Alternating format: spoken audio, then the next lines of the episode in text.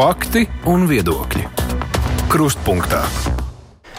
Esiet sveicināti skan krustpunktā pie Latvijas radio mikrofona Arnis Krause. Pirmdienās mums ir lielās intervijas, un šodien uz sarunu esam aicinājuši cilvēku, kurš daudzus Latvijai un plašajai pasaulē svarīgus notikumus ir pieredzējis savām acīm klātienē, līdzdarbojoties lielās politikas un diplomātijas norisēs. Mūsu saruna šodien ar Baibu Brāži, kura 90. gados strādāja darba grupā, kas panāca Krievijas armijas izvešanu no Latvijas. Un vēl nesen ieņēma ļoti augstu starptautisku amatu NATO ģenerālsekretāra vietniece publiskās diplomātijas jautājumos. Šovasar Baiba Brāža ir kļuvusi par ārlietu ministrijas speciālo uzdevumu vēstnieci. Es saku, labdien, vēstniece kundzei! Labdien, Krauzes kungs, paldies par interesi. Baigi ierast visās intervijās, īpaši pēdējos gados ar jums tās sākas žurnālistiem vaicājot par karstākajiem starptautiskās politikas tematiem, par Ukrajinu un par to, protams, šodien runāsim arī mēs. Bet eh, es vēlējos sākt ar jūsu Latvijas sajūtām, ņemot vērā, ka jums daudz darba gadi ir pavadīti arī ārpus mūsu valsts robežām. Jūs kādā intervijā teicāt, ka jūsu mazās laimītes ir redzēt Latvijas rītus, sajust mežā sēņu smaržu. Jūs senči nāk no kurzemes, no Bārtas vai Bārtas mežos šovasar kāda gailena jau ir atrasta un sasmaržota. Cik jauki, paldies. Bārtas mežos vēl neesmu tikusi, ne, un arī uz kapiem vēl neesmu tikusi uz Bārtu. Tur man daļa dzimtas uh, guļ. Bet kurzemes mežos gan esmu bijusi, un gailenes atradu Baraviku vēl pagaidām nevienu, bet ļoti ceru, ka varbūt pēc šodienas vētras tomēr arī izdosies kāda baravika pēc lielā karstuma. Bet es arī um, gribēju mazliet palabot ar ne to faktu, ko jūs nosaucāt, ka es strādāju darba grupā Krievijas armijas izvešanai. Nē, man bija tāda pirmais mans kā juristes darbs ārlietu ministrijā bija palīdzēt zināmus elementus armijas izvešanas līgumos, nevis pašā darba grupā. Pašā darba grupā es nebiju. Nu, tad jāpalabo ir interneta dzīve dzīvēs, jo šis fakts jā, ir vairāk jā, kārt pieminēts. Tieši tā, tādās leģendas tā kā turpinās. to, bet es tomēr gribu būt ļoti precīzi šajā gadījumā, jo negribas tādu vēsturi kaut kādā veidā pārrakstīt. Ļoti labi. Paldies par šo labojumu, par šīm jā. mazajām Latvijas laimītēm. Kas tās jums? Ziniet, mazās laimītes, protams, eh, tas, ka, ka ir četri gada laiki. Nu, tiešām to tikai dzīvojot valstīs, uh, kur ir vai nu viens gada laiks, kā pavadīt trīs gadus eh, taizemē, kur ir tikai vasara, kas ir slapja, vai vasara, kas ir sausa. Un, un Latvijā tas šķiet cilvēkiem varbūt kaut kas ļoti interesants, bet pēc, pēc, pēc kāda laika tas tomēr arī sāk nomākt. Un savukārt Beļģijā vai, vai Lielbritānijā savukārt tas, ka nav ziemas, tas arī tomēr nav tās mūžīgais rudens. Jā, kas starp oktobru un aprīli tomēr ir uh, pelēks, līst un ka nav īsti tāda sajūtas, ka ir tāda gada laika maiņa. Un tās tomēr arī ir tās daļas no, no tā, es domāju, no tā latvieša ritma, ka tev ir tās pārējas, tās gadu laika pārējas, kas arī uh, lielā mērā ne tikai apģērbu nosaka un, un piemērošanos, bet arī tād, tād, tāds gaidas, tāds garstāvoklis, ka tas, tas pārmaiņas, kas, kas notiek mūsu iekšā.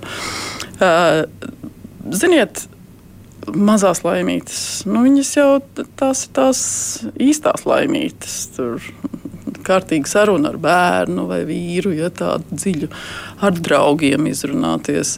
Tādas nu, tiešām diskusijas pēc, pēc, pēc būtības arī tad, ja domas nesakrīt.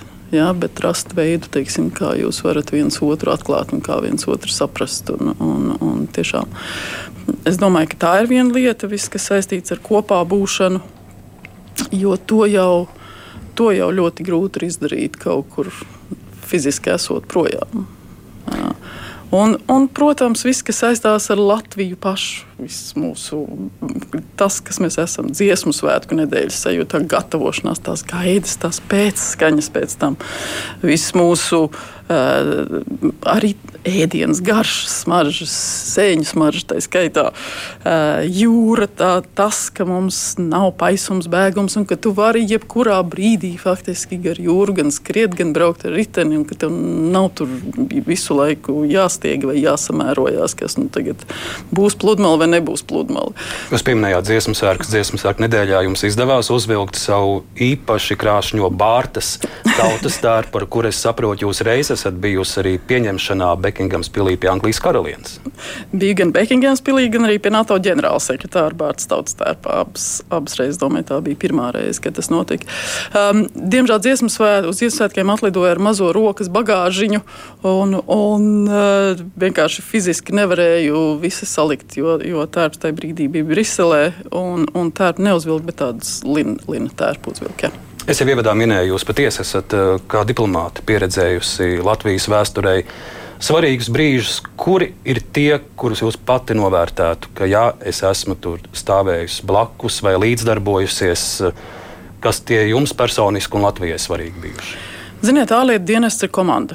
Tas, tas ir komandas darbs. Tas ir atkarīgs tā skaitā ne tikai no tiešiem kolēģiem, ar ko, ar ko tu strādā, bet arī no visas politiskās vadības. Un tajā brīdī, kad piemēram, 80. gada beigas, 90. gada sākums, kad bija neatkarības atgūšana un tādas patiesas suverenitātes iegūšana Latvijā, ārlietu dienas spēlē ļoti nozīmīgu lomu. Politiskais mērķis bija skaidrs. Pirmkārt, tā bija neatkarības atgūšana. Tad ārlietu dienas tikai veidojās. Tur bija mazās pilsētas ielā, laikam, 7, 8 cilvēki tajā brīdī, kas, kas ministrijā strādāja. Kurā gadā jūs sākāt? 93. Faktiski no pašiem sākumiem. Atbraucu no, no Nīderlandes, no studijām un, un sapratu, ka tas ir tas, ko es vēlos darīt. Un, Tas bija tas brīdis, bet patiesa suverenitātes iegūšanai, protams, bija pilnīgi skaidrs, kamēr Krievijas karaspēks ir Latvijā. Ir ļoti grūti runāt par patiesu suverenitāti, ka tu kontrolē valsts teritoriju, varu un vispārējo. Tas bija tas pirmais lielais nopietnais solis. Tur bija ļoti skaidra ļoti skaidrs politisks uzstādījums. Tur mums palīdzēja sabiedrotie, gan amerikāņi, gan, gan zviedri, gan visi citi. Un, un tieši tāda padoma došana tajā brīdī Latvijas, Latvijas gan politiķiem, gan ārlietu dienestam no mūsu draugiem ārpus, ārpus Latvijas, es domāju, tas ļoti palīdzēja internacionalizēt armijas izvešanas jautājumu, ka gan Eiropas drošības sadarbības organizācijas ietvaros, ANO ietvaros tika rakstīts rezolūcijas, tās tika pieņemtas ar konsensusu, ka tas nebija tikai starp Latviju un Krieviju. Jā. Un, un tieši arī um, ANO ietvaros notika arī tāds mans lielais, pirmais tāds starptautiskais uh, tāds pieredzes gūšanas process. Um, es tajā brīdī uh, no ārlietu ministrijas biju aizsūtīta tieši uz ANO ģenerālo asamblēju, tieši nodarboties ar, ar, gan ar Krievijas armijas izvešanas rezolūciju, gan arī pa to laiku Krievija jau bija iesniegusi rezolūciju par masveidu cilvēktiesību pārkāpumiem Igaunijā un Latvijā. Un, protams, mēs jau zinājām, ka tie ir meli. Ja, Krievija to darīja, lai sasaistītu šos divus jautājumus. Ja, kad ir jautājums, kas ir armijas izvešana, ko ir iesniegusi Baltieši, un ir jautājums, ko ir iesniegusi Krievija. Tādā veidā, teiksim, netieši sasaistot. Un, um, Un, teiksim, no, no ANO puses, tajā brīdī ģenerālsekretārs ļoti precīzi to, to sakot, procesu vadīja.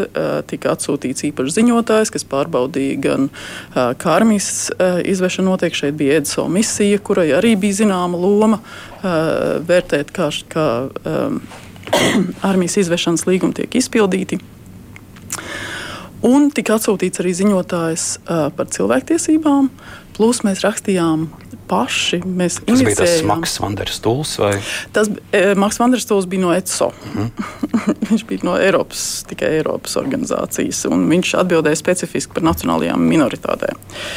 Bet ANO ietvaros. E, tas, ko mēs panācām, mēs paši uzrakstījām savu ziņojumu par cilvēktiesību situāciju Latvijā. Un, un, manuprāt, e, arī šodien nav neviena vārda, kuru mēs nevarētu, zem, mēs nevarētu parakstīties. Tas bija labs ziņojums. Mēs izcirkulējām to visām ANO dalībvalstīm. Tas kļuva par ANO oficiālu ģenerālās asamblējas oficiālo dokumentu. Tādējādi visas valstis varēja uz to atsaukties. Bet tas, ko mēs arī izdarījām vienā brīdī, kad bija skaidrs, ka, piemēram, ka bija situācija, ka armijas izvešanas rezolūcija faktiski ir izpildīta, karaspēks ir izvests un vairāk tā nebūs, tā netiks iesniegta, jo nav pamata. Armija ir izvesta, viss viss tā kā ir izdarīts. Un Krievija tomēr iesniedza savu cilvēktiesību rezolūciju, apvainojot Igauniju, Lietuviju, Lietu, Igauniju Latviju masveida cilvēktiesību pārkāpumos. Tas, ko mēs izdarījām, atkal pēc konsultācijām ar draugiem un kolēģiem, mēs iesniedzām paši savu rezolūciju. Pirmie. Jo mēs zinājām, ka Krievija to gatavojas darīt, bet viņi vēl nebija fiziski to dokumentu iesniegusi. Mēs to paspējām dažas stundas pirms Krievijas diplomātu izdarīja. Un, um, mūsu rezolūcija bija ļoti īsa viens teikums, kad noslēgt šī jautājuma skatīšana ģenerālā asamblējā. Punkts. Lūk, tāda jūsu vēstures, svarīga vēstures un pieredzējumi. Tas bija tas, kas manī parādīja, ka iniciatīva, tad, ja tu zini, kas ir politiskā vadība, kāda ir politiskie uzstādījumi, ka tev tā diplomātiskā institīva, tomēr zinot arī tos rules of procedure, ja procedūru, ka pirmā rezolūcija tiek pirmā arī balsot, un neviens negrib balsot pret rezolūciju. Es domāju, ka tā ir tāda esence tam, ka tu vari iespaidot tomēr notikums. Pēc tam, protams, iestāšanās Eiropas Savienībā, iestāšanās NATO. Tie jau ir tie nākamie soļi mūsu Latvijas suverenitātes stiprināšanā, mūsu ļoti skaidrs nākotnes izvēlē, kur mēs gribam būt un kas mēs gribam būt, gan kā valsts, gan kā sabiedrība, gan kā tauta. Jums tātad šogad aprit 30 gadi Latvijas eh, diplomātiskajā dienestā, un šajos gados arī vēstniecības samatā ir satikts ļoti daudz spilgtas personības. Es esmu lasījis, ka īpaši kā iedvesmojoši jūs esat eh, minējusi divas. Tas ir Maris Jansons un Vairvīķa Freiberga. Joprojām tieši, tieši, tieši tā tas arī ir. Un, un, un Vīsas Freibergas kundze joprojām ir iedvesma. Ļoti centīšos arī šovasar viņu satikt un, un, un izrunāties gan par mūsu NATO pieredzi, gan, gan teiksim, kas, kas ir nākamie soļi Latvijai un vispārējais. Um, apbrīnojami pamati, abi divi, arī, arī Maris Maistro, Maris, protams, abi divi neizsakāmi pamatīgi, smagi strādājoši, gudri, bet arī tai pašā laikā neuzbāzīgi cilvēki, vienmēr atstājot vietu, vietu citiem cilvēkiem, vienmēr veidojot komandu ap sevi, vienmēr saprotot to, ka ir. Uh, Tiksim, viņu darba rezultāts atkarīgs no ļoti daudziem cilvēkiem. Tur ir daudz ko mācīties, es domāju, dažādos līmeņos mums visiem no viņiem abiem par jūsu pēdējo gadu darbu kā NATO ģenerālsekretāra vietniece publiskās diplomātijas jautājumos. Es teikšu, godīgi, es jums sekoju Twitterī, un man bija pārsteigums, ka jūs ierakstījāt, ka jūs atgriežaties Latvijā, jo man likās, un arī daudziem kolēģiem, ka šo darbu jūs darat izcili un veiksmīgi. Un jūs ņemat un no Briseles braucat uz Rīgu. Jā, jo kontrakts ir trīs gadi, standarta kontrakts eh, ģenerālsekretāra vietnieku amatā. Eh, es lūdzu pagarināt līdz, līdz samitam, tā lai var pabeigt tos darbus. Mans kontrakts beidzās mājas sākumā, tas arī tika izdarīts. Tad, eh, protams, bija uh, mans plāns bija atgriezties Latvijā. Tas plāns šobrīd ir piepildījies, atgriezties manā dienestā. To jau es biju plānojusi arī pēc vēstnieces amata Lielbritānijā. Nevis doties rotācijā, bet atgriezties tieši Latvijā, centrālajā aparātā. Bet, protams, pa to laiku uzvarēja konkursu uz NATO amatu. Tā kā, tā kā tas ir savā ziņā tāds uh, loģisks attīstības posms, jo pēc vairāk kā septiņiem gadiem ārpus Latvijas, protams, ir, ir uh, pilnīgi dabīgi atgriezties vidē, ko tu mīli un kur tu gribi būt, un arī darbā, kas, kas ir manas mājas. Mums arī klausītājiem, skatītājiem jāpaskaidro, varbūt, ka NATO ģenerālsekretāra vietnieka darbs, tas nav kaut kas, kas pienākas dalībvalstīm, kā piemēram Eiropas komisāra vieta, kas ir garantēta Latvijai. Tas bija konkurss, es pieļauju, pamatīgs konkurss ar, ar daudzām kārtām, un, un, un pārstāvs no Latvijas to izturēja. Jā, ziniet, tas arī man pašai bija pārsteigums. Protams, es, tā bija iekšēja sajūta, ka man ir jāmēģina domāju, ka ir brīdis katram mēs, ka mēs iekšā jūtam, ka ir kaut kas, ko mēs varētu darīt plašākā vai citādā veidā. Un tas brīdis man bija starp citu tieši pirms Londonas NATO samita. Es zināju, ka tā vieta uh, atbrīvojas, un es nolēmu mēģināt. Protams, kārtas ir vairākas, konkurss ir ārkārtīgi nopietns. Tā skaitā arī profesionāls atlases kompānijas analizē. Vesela diena tiek pavadīta īpašā asesmenta centrā, jeb tādā izvērtēšanas centrā, vai ir spējas apstrādāt lielus datus, vai ir spējas savienot faktus, personāla vadība, eh, finanšu vadība, viss, ko var iedomāties. Un, protams, tikšanās ar NATO vadību kādā veidā tu iedriesies komandā, jo beigu beigās tā komanda ir ļoti maza. Mēs esam tikai septiņi uh, vietnieki tajā situācijā, un, un respektīvi ģenerālsekretārs ir viņa pirmais vietnieks, kas ir Rumāņu kolēģis Mirča Džoana, bijušais ārlietu ministrs, un tad mēs esam septiņi tā saucamie assistant secretary generals. Un, un, tā kā kopā tā NATO vadība ir tikai deviņi cilvēki tajā, tajā augstākā līmenī. Un, protams, ka tas nepienākās nevienai valstī pēc, tikai tāpēc, ka tā ir NATO dalībvalsts. Tur ir konkrēts cilvēks, kas uzvar konkrētu posteni. No šiem trim gadiem augstajā amatā, kādas ir tās galvenās atziņas un tā pieredze, kur jūs Briselē ieguvāt? Pirmkārt, protams, ir viena daļa lieta, ko, un kas arī man ir uh, vienošanās ar ministriju, kas man ir jāraksta ministrijas vadībai īpašās, īpašā ziņojumā, tādā apkopojumā um, par pašreizējo drošības situāciju, par, par ļoti konkrētiem uh, lēmumiem, kas ir tikuši pieņemti gan par civilo, gan militāro vadību. Uh, ko kolektīvi NATO dalībvalsts pieņēmuši, bet arī teiksim, ko ģenerālsekretārs kā vadītājs ir panācis, kas tāds tiek izdarīts. Tā tad tiešām tā vadītāja loma ja, un ģenerālsekretāra loma, uh, Jens Stoltenberga loma, ir bijusi ārkārtīgi liela šajās, šajā situācijā jau, jau no 14. gada, kad viņš stājās amatā. Un, um, tas, tas ir tas viens, teiksim, tas saucamais leadership, jeb vadītāja loma. Uh, Otrs ir, kā tās pārmaiņas un teiksim, ģeopolitiskās situācijas pārmaiņas, kas izpaudās Krievijas atkārtotā iebrukumā, Ukrainā bija paredzamas. Un, un tādā ziņā, teiksim, lai arī ir izskanējusi dažādi viedokļi, vai NATO ir rēģējis ātri, vai nebija gatavs, NATO bija gatavs. Un, uh, tas ir saistīts ar to, ka tiešām tās mācības, tās lietas, kas bija jāizdara no 14. gada, kad Krievija pirmoreiz iebruka Ukrajinā, arī tika izdarītas. Ciešāka sadarbība starp izlūkdienestiem, jeb tā saucamā situācijas apzināšanās un gatavība. Pilnīgi citāda veida militārās mācības. Mūsu militāro kolēģu precīzs, pamatīgs darbs, lai mainītu NATO militāro stratēģiju ka tev vairs ir nevis tāpēc, ka tu gribi iet kādā, piemēram, ārpus uh, NATO teritorijas esošā operācijā, piemēram, iesaistīties Afganistānā, tāpēc, ka sabiedrība uzskata, ka tur ir jāiesaistās, vai, vai īstenot kādu citu operāciju, bet ka tev jābūt gatavam aizstāvēt savu teritoriju. Tās ir divas būtis, būtiskās atšķirības, ja, kur, viss, kur, protams, tā NATO militārā stratēģijas maiņa, kas, nāc, kas sākās uh, tieši no 14. gada, lielā mērā visu to lēmumu pabeigšana tagad notika arī Viļņas, Viļņas samitā. Un tāpēc pie mums ir papildus spēki, papildus dažādas spējas izvietotas. Tāpēc mēs redzam militārās mācības, gaisa mācības, klātbūtnes mācības vispār. Bet trešais lielais elements - tas, ka drošība ir nedalāma. Nedalāma tādā ziņā, ka tā nav tikai militārā drošība, tā ir iekšējā drošība, ka ikvienam cilvēkam, privātam sektoram, visiem ir loma šajā situācijā. Mēs nevaram iekāpt atpakaļ 90. gadu sākumā un domāt, ka ah, drošība tas ir tikai atsevišķs dienas jautājums. Tā nav. Tas ir visu mūsu, visu mūsu, un arī galvās, rīcībā, visā, visā pārējā. Tā kā iekšējās ārējās drošības sasaiste visciešākā šajā situācijā. 24. februārs Krievijas pilnmēra iebrukums Ukrajinā. Jūs tajā dienā bijāt arī jau amatā kā NATO ģenerālsekretāra vietniece. Kā jūs eh, šodien atceraties, kādas bija jūsu personiskās izjūtas, kāda bija reakcija NATO vadībā, štābā, kāda bija pasaules līderu komunikācija?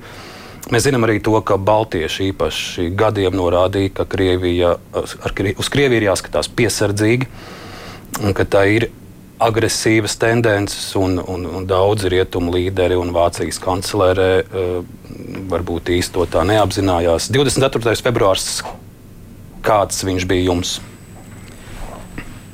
Nu, mēs nebijām pārsteigti. Jo jau pakāpeniski atcerieties, tika publiskota un atklāta Uh, izlūkdienas informāciju par to, ka iebrukums tiek gatavots. Tas bija arī ļoti uh, dokumentēts, precīzi, jo šo mūsdienu tehnoloģiskās iespējas. Analītiķu darbs, redzot, kā tiek pārvietoti Krievijas, Krievijas spēki, bija pilnīgi skaidrs, ka tāda apjoma spēkus, tāda apjoma spējas, tā skaitā uh, asins pārliešana, militārie hospitāļi, vispārējais, kas tika darīts, ka tās nav vienkārši mācības. Un plus bija arī atsevišķiem izlūkdienestiem, ja jūs atceraties, arī diezgan precīzi informācija par notikumiem Krievijā iekšēji vadībā, kas, kas izskanēja šur un tur publiski. Un tādā ziņā mēs bijām gatavi. Jo faktiski uh, uh, galvenais komandieris, jeb sakjūrs, jau de facto bija paaugstinājis gatavību. Bija izvietojis papildus spēkus. Tāpēc arī Latvijā, piemēram, ieradās gan divpusēji, tas nebija NATO lēmums, bet tie bija amerikāņi, kas de facto jau faktiski uh, burtiski tajā iebrukuma naktī izvietoja uh, papildus spēkus Latvijā, atlidoja Rīgas lidostā. Uh, un, un tas viss notika burtiski paralēli kamēr Krievija pasludināja par to, ka tā sāk šo iebrukumu, tajā laikā mūsu drošība tika stiprināta, kas bija pamatuzdevums, jo tas ir NATO pamatuzdevums, protams. Otrs elements, protams, tika sasaukta Ziemeļatlantijas padomus sēde uzreiz. Un, un tikās vēstnieki, tikās militārā komiteja, jo, protams, bija jāpieņem arī kolektīvi lēmumi, kas, kas tiks darīts un kā. Trešais elements Latvijā iekšēji. Un, un to, protams, mūsu militārie kolēģi diezgan daudz stāstījuši. Arī tika paaugstināta gatavība, politiskā vadība, gan valdība, gan, gan prezidents vispārējie vienojās par, par konkrētu rīcību. Tas tika darīts arī visās dalībvalstīs, nacionālā līmenī. Jo, jo situācija, ka viena valsts uzbrūk Otrai valstī, protams, nav kaut kas tāds, ko mēs Eiropā bijām redzējuši kopš Krievijas pirmās invāzijas, kopš 14. gada tiešā veidā. Un tas nozīmē, ka kopējā drošības situācija būtiski mainās. Lai arī NATO nav tieši militāru draudu, jo Krievija savus spēkus neizveido un negatavojas uzbrukt NATO, tā uzbruk Ukrainai, kas nav NATO dalībvalsts. Tomēr kopējā drošības situācija šādās um, uh, scenārijā ir tik tālu pasliktinājusies, ka visas in, visi tie indikātori, kas ir tie uh, situācijas apzināšanās indikātori, kas var būt zāļi, varbūt zeltaini un, un tā tālāk, ja, kas nozīmē tevi miers vai krīze uh, vai konflikts, ka tie indikātori, protams, mainīja krāsu. Ja, un, un tas sevi ietver veselu rindu nākošo darbību cik daudz uh, un kāda informācija nepieciešams iegūt, kas notiek ar novērošanas sistēmām, kādas uh, izlūku lidmašīnas tiek izveidotas. Tas, tas ir vesela rinda ļoti praktisku soļu, lai, lai būtu pilnīgi skaidrs, ka NATO galvenais uzdevums tas, ka mūsu uh, Eh, ka mums nav militāra draudu, ka arī nebūs tie militārie draudi, bet ka mēs esam gatavi dažādiem scenārijiem, ka tas tiks īstenots. Un tad nākamais, protams, ir kas vajadzīgs Ukrainai, kāds atbalsts vajadzīgs Ukrainai. Un šeit, eh, protams, vadība bija, vadībā bija paši Ukrāņi ar to, ka teiksim, viņi nolēma aizsargāties, nevis padoties, par ko neviens nezināja, kāds tas scenārijs būs. Jā, un bija pilnīgi skaidrs. Tā scenārijs bija trīs dienās ieņemt Kīvu. Lūk, un, un to neviens nevarēja paredzēt, kā tas viss risināsies. Neviens. Ko piedalījums uh, Ukraiņas prezidents, ko militārā civilā vadība, kas, kas būs reāli. Uh, uh, cik tālu Krievija bija gatava, nebija gatava. Un tas tiešām tādā situācijā, tāpēc arī mēs bijām pārgājuši 24-7 režīmā. Mums bija komandas, kas visu laiku pastāvīgi eh, bija birojā. Vai jūs pat esat eh, domājusi, vai, vai varbūt NATO ir analizējis, eh, kas Putinam bija prātā, ko viņš ar šo karu gribēja un grib panākt? Kādēļ viņš šo, šo, šo visu ārprātu sāka? Ziniet, es negribu spekulēt par to. Protams, ka mēs esam analizējuši, protams, ka mums ir savas iekšējās NATO analīzes un vispārējais. Uh, Un tik cik jūs varat atklāt? Uh, tas, tas, ko ir arī ģenerālsekretārs publiski ir pateicis, un tas, kas ir arī tā sakot, mūsu tā, tā nostāja, ir, protams, ka uh, prezidents, ja Putins, ja prezidents Putins domāja, ka viņš tiešām trīs dienās spēs ieņemt Ukrainu, ka Ukraina sabruks, ka pretošanās nebūs.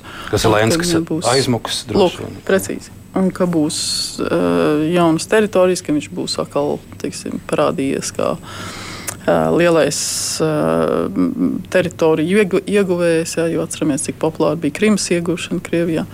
Un, un, tas, tas nav noslēpums. Un, protams, ir noticis pilnīgi pretējais lielā mērā pateicoties tam, ka Ukraiņa izvēlējās ceļu to, kā tā izvēlējās, un viņiem ir pilnīgs starptautiskās sabiedrības atbalsts.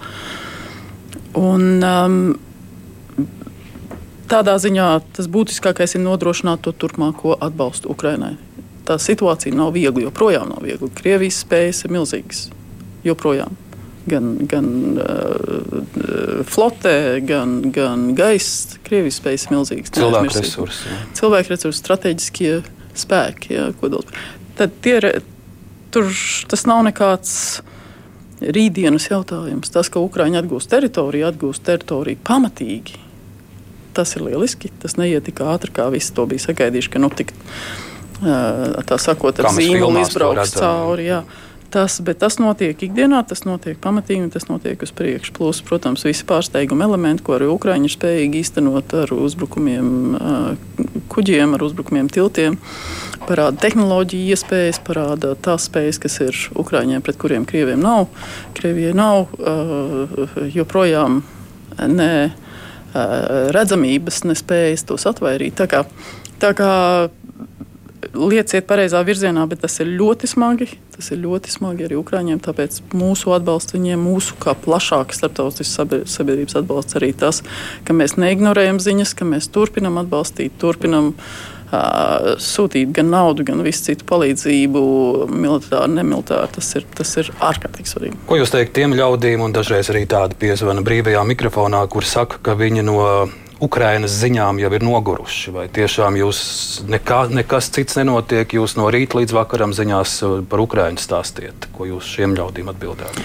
Es viņiem atbildētu, lai viņi pamēģina iedomāties, kā tas būtu, ja šis notiktu pie viņu ciemata, pie viņu pilsētas, un vai viņi gribētu, ka kāds kaut kur saka, ka, ziniet, mēs esam noguruši no tā, ka jums tur uzbruku, mēs pie jums neko negribam dzirdēt. Tas nav. Tā ir arī mūsu drošība. Tāpēc, tāpēc ikvienam no mums joprojām atbalsts, ļoti praktisks atbalsts, neļauties tam nogurumam, pārcelt viņu ļoti praktiskā veidā, darīt kaut ko konkrētu, ja nepieciešams. Un tas izpauž cilvēkiem ļoti dažādi. Uh, organizētā veidā, vai tas ir Twitter konvojs, vai tās ir cita veida palīdzības. Uh, ir tādi, kas ir zemesardzē stājušies, ir tādi, kas kiberzemesardzē stājušies. Katram ir spējas, komunikatoriem spējas, visiem, jebkuram cilvēkam. Droši vien Ukraiņas karš arī lieku reizi liek mums novērtēt, ka mums ir sava brīvība, drošība, neatkarība. Es pagājušajā nedēļā pavēroju vairākas ziņu reportāžas šajā vasarā. Ir vairākas nometnes Ukrāņu bērniem, kur ir gan, gan um, tādi bērni, kuriem tēvi ir frontē vai gājuši bojā, un arī viena nometne bija tieši Ukraiņas policistu bērniem. Un, un tas, ko es no viņiem sadzirdēju, ka, ka, ka viņi novērtē, ka šeit Latvijā jums ir, jums ir miers, jums ir uh, skaista daba, kultūra, jums ir laipni cilvēki, un jums pagalma vidū daudz kur plīvos savs karoks. Varbūt tajā ikdienā, kad Dažkārt mums viss ir slikti, un, protams, arī daudz lietas nav varbūt līdz galam padarīts, bet, bet spēt novērtēt, ka mums ir sava neatkarīga valsts, kura, kura ir drošībā. Tieši tā, jums ir pilnīgi, pilnīgi absolūti. Es varētu parakstīties zem tā, ko jūs teicāt. Un Nē, es dzīvoju vēl nevienā valstī, kur cilvēki nesūdzētos par savu valdību, valstī.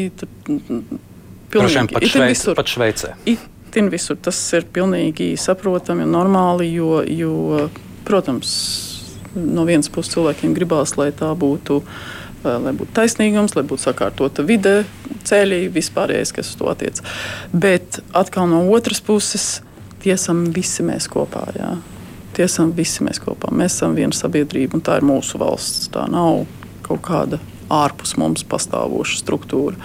Un, un lielā mērā arī no mums katra tomēr tas spēcīgākais, labākais, ko mēs uh, varam darīt, nu, ir jādara.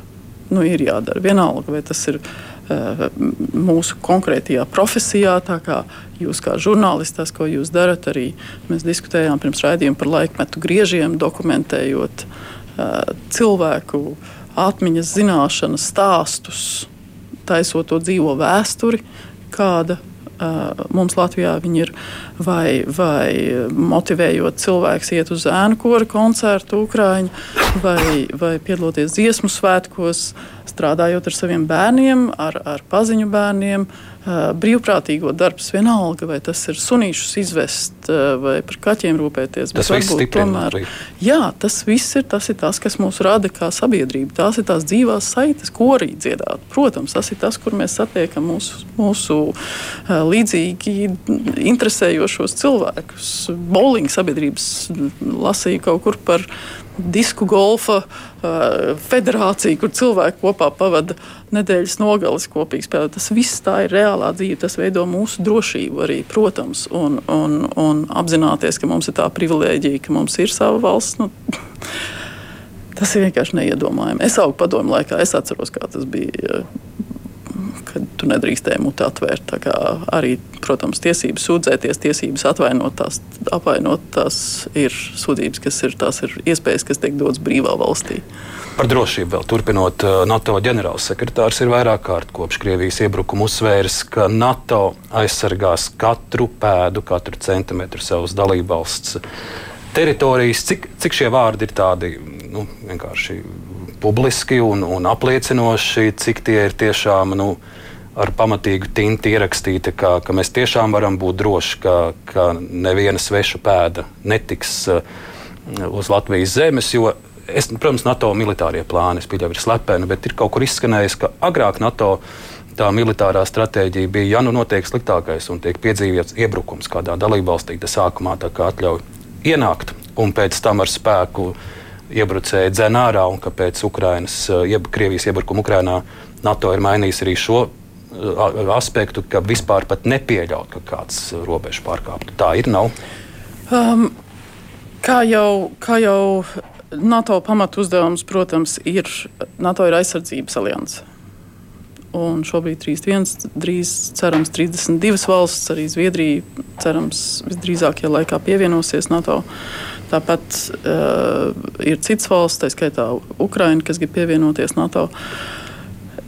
Pamat uzdevums ir būt gataviem saprast draudus, būt gataviem tos novērst, jeb tā deterrence saucamā, un, ja nepieciešams, aizsargāt, atvairīt pret reālu rīcību. Tā kā uh, tāpēc tās, tās pakāpes, kas ir miers, krīze, konflikts, teiksim, NATO pašai kā aliansē, NATO kā alianse joprojām mums ir miers.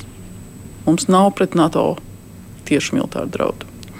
Protams, analizējot pašreizējo situāciju un to, ka Krievija atkārtot uzbruka Ukrainai pagājušā gadā, tāpēc tika pieņemts jauns strateģiskais koncepts pagājušā vasarā NATO, kur ir skaidri pateikts, ka Krievija ir drauds. Krievija ir draudz. Protams, lai līdz tam not, nonāktu, jau tas darbs no 14. gada bija reāli notiekoši un ļoti tas, ko es aprakstīju agrāk, intervijas laikā, gan papildus izlūkdienas sadarbība, gan papildus militāro spēju attīstība, papildus izdevuma aizsardzībai. Viss faktiski ir mainīts viss NATO militārā stratēģijā. Un tas ir dēļ tā, ka jā, ir miers, jā, ir, uh, nav tieši militāru draudu iepratim NATO. Bet vienlaikus uh, mēs esam redzējuši to, ka Krievijai ne tikai spējas, bet arī nodoms un lēmums uzbrukt kādai valstī. Un tādā situācijā uh, neapšaubām visas NATO dalībvalstis, visas NATO vadība, gan, gan uh, civilā, gan militārā, to uztver ļoti nopietni. Un šī atturēšana, jeb deterrence, ko angļuiski sauc, ietver sevi pilnīgu sapratni par to, kas ir iespējamais pretinieks, kādas ir tās spējas un kas ir vajadzīgs mūsu pusē, lai, lai to saprastu, novērstu un, ja nepieciešams, atvairītu, aizsargātu. Vēl pirms, tāpēc, bet, bet, ļaujiet man pabeigt tikai pēdējo teikumu, ka tāpēc arī ģenerālsekretārs saka, ka no pirmās minūtes, no pirmās pēdas, kad ir tā patiesā sapratne par to uh, draudu, par spējām, par, par um, situ, situācijas apziņotību, uh, kas, kas ļauj to teikt. Vēl pirms Krievijas iebrukuma Ukrajinā dažādos Maskavas propagandas šovos televīzijā Tur nereti aicina arī dažādus ģenerāļus vai izbijušus ģenerāļus un rāda dažādas kartes. Man ir prātā viens raidījums, kur ar viens eh, ģenerālis teica, nu, kas tās Baltijas valstis ir. Nu, mēs paņemsim Plaskaus divīziju un mēs esam divās stundās līdz vecrīgai. To, protams, var uztvert kā kā propagandu, kā joku, bet, eh, bet eh, no jūsu dzirdētājas saprotu, ka, ka NATO to uztver arī nopietni tādā ziņā, ka, ka ir plāni un ir gatavība un ir zināma rīcība, ja nu kaut kas notiek. Neapšaubām, un neaizmirsīsim, ka mēs esam NATO. Latvija ir NATO. Mēs, ik viens no mums ir NATO. Tas nav tikai kaut kāds ārējais spēks. Bet vēlreiz, tā, tā pastāvīgā iespējama pretinieku vērošana, analīze par to, kādas spējas, kādas kustības notiek, plus nodomu izpratne. Uh, tas viss ir kaut kas, kas veido dažādu faktoru kopumu, kas ir vajadzīgs mūsu pusē un kas ir nepieciešams situācijā, ja, ja situ drošība tālāk pasliktinās. Bet vēlreiz neaizmirsīsim par iekšējo drošību. Neaizmirsīsim par to, ka uh, mūsu iekšējā atbildība par, par iekšējo drošību ir tikpat būtiska. Ja?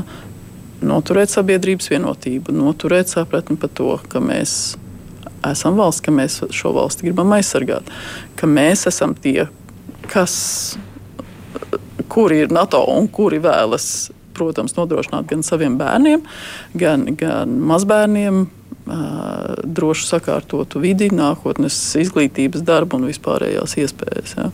Un, un šeit un mēs varam runāt vienalga, vai tās ir korumpētas korumpētas, korumpētības situācijas, vai tās ir uh, situācijas, kur cilvēki apzināti pārkāpj noteikumus kaut kādus. Ja. Tas viss, teiksim, kas attiec uz mūsu iekšējo uh, pašu situāciju un, un tādu ticību savai valstī, savai sabiedrībai, to jau neviens no ārpuses mums nepateiks, kas jādara vai kā jāmaina. Krievijas iebrukums Ukrajinā noteikti beigsies ar uh, agresoru padzīšanu, bet uh, kaimiņš jau paliks mums blakus un nekur nemainīsies. Kādu jūs redzat Putina nākotni? Un kādu jūs redzat pašu Putina nākotni, ņemot vērā, ka jūs bijāt arī vēstnieks Nīderlandē un Hāgā ir starptautiskais kara tribunāls? Uh, vai mēs piedzīvosim, ka viņš nokļūst uz šī tribunāla apsūdzēto soli? Ziniet, es sākšu ar Putinu un tad par Krieviju. Ziniet, um, vēlreiz spekulēt, spekulēt negribu, bet es ļoti ticu un ļoti piedomāju pie tā un tiešām paļaujos, kā arī Putina kungs tiks sauc pie atbildības. Ka tas brīdis pienāks vienādi vai otrādi, vai tas ir apsūdzēto solis Hāgā vai tas ir eh, kaut kas cits. Bet neapšaubāmi, ka tie lēmumi, tie, tie uh, ie, ievainoto un, un bojā gājušo simti tūkstoši viennozīmīgi nebūs uh, tikai piemiņās, atmiņās, kas ir mums un kas ir viņu ģimenēm un, un sabiedrībā, bet ka būs arī process, kas šī lēmuma pielēmē, pieņēmēji sauks pie atbildības. Par, par uh, Krieviju pašu neapšaubāmi šobrīd tā dinamika, kurā Krievija Putina vadībā ir iegājusi, tā elites konsolidācija ap viņu uh, Nav pamata domāt, ka Krievija šobrīd kaut ko taisās mainīt. Līdz ar to nav pamata domāt, ka ir kaut kāds cits nodoms. Ir tikai tas, ko mēs redzam, ir kara turpināšana. Un tāpēc ir pilnīgi skaidrs, ka mūsu pusē jādara viss iespējamais, lai Ukraina uzvarētu. Tur ir bez variantiem. Es sarunas noslēgumā vēl ļoti daudz jautājumu no klausītājiem, skatītājiem, bet es tikai vienu nocitēšu. Jānis raksta, diemžēl neticas, ka NATO mūs aizsargās. Baltkrievi nesen ielidoja NATO teritorijā 3 km polijas dziļumā. Nekādas reakcijas par šo gadījumu. Ziniet, tāpēc Tāpēc vēlreiz ļoti precīzi jābūt skaidrībai par to, kas ir nodoms. Vai tas ir incidents, kas ir atsevišķs incidents, tā kā bija arī uh, raķete, kas nokrita Polijas teritorijā toreiz. Ja. Un tāpēc pastāv tā saucamā eskalācijas kāpnes, kur katrā situācijā tiek arī izvērtēts, vai tas ir kaut kas, vai tas ir tikai atsevišķs incidents, vai tas tomēr ir indikators kam, kaut kam vairāk. Ja? Un, un tad pretīm teiksim, arī uh, tiek, tiek veiktas nepieciešamās darbības. Uh, ar polijas kolēģiem runājot, neesmu uh, precīzi kāda teiksim, klasificēta analīze šai situācijai, ko viņi ir snieguši. Bet man nav nekādu absolūtu šaubu par to, ka Polija zina, ko tā dara un kas, kas notiek un, un kādā veidā. Mums vēl ir pusminūte, un pusminūtē es lūkšu mūsu klausītājiem, skatītājiem izstāstīt, ko dara ārlietu ministrijas speciālo uzdevumu vēstniece. Jā, vai ko darīs? Paldies! Ziniet, šobrīd uh, mans galvenais uzdevums, tiešām esmu Latvijā tagad uh, pāris nedēļas, ir uh, uzrakstīt šo te, uh, tādu pieredzes nodošanas uh, uh, ziņojumu, apkopojumu, bet es to daru arī, arī sarunās, tiekos ar kolēģiem. Uh, runājam, ejam cauri, kas ir tas, ko Latvijai uh, jādara, kas būtu noderīgs, uh, ko uh, arī ārlietu dienestam, kas ir tālākie soļi, kas būtu iespējams jādara. Un, un, jā, tas, tas ir tas būtiskākais, tiešām šī pieredze, šobrīd pieredzes nodošana. Un tad ķersimies pie jauniem darbiem rudenī. Vēstniece un līdzinājā NATO ģenerālsekretāra vietniece Baiba Brāža. Šodien bija kruspunktā studijā. Es saku jums lielu, lielu paldies par sarunu. Paldies, Krausas kungs, un paldies jums, kā žurnālistam, bet arī, arī kā tādam respektablam sabiedrības loceklim, bet arī paldies visiem kolēģiem, žurnālistiem, gan Latvijas radio, gan visos citos mēdījos, kur dara kvalitatīvu darbu. Jūs esat ļoti, ļoti svarīgi sabiedrības drošībai. Tā saka Baiba Brāža. Paldies!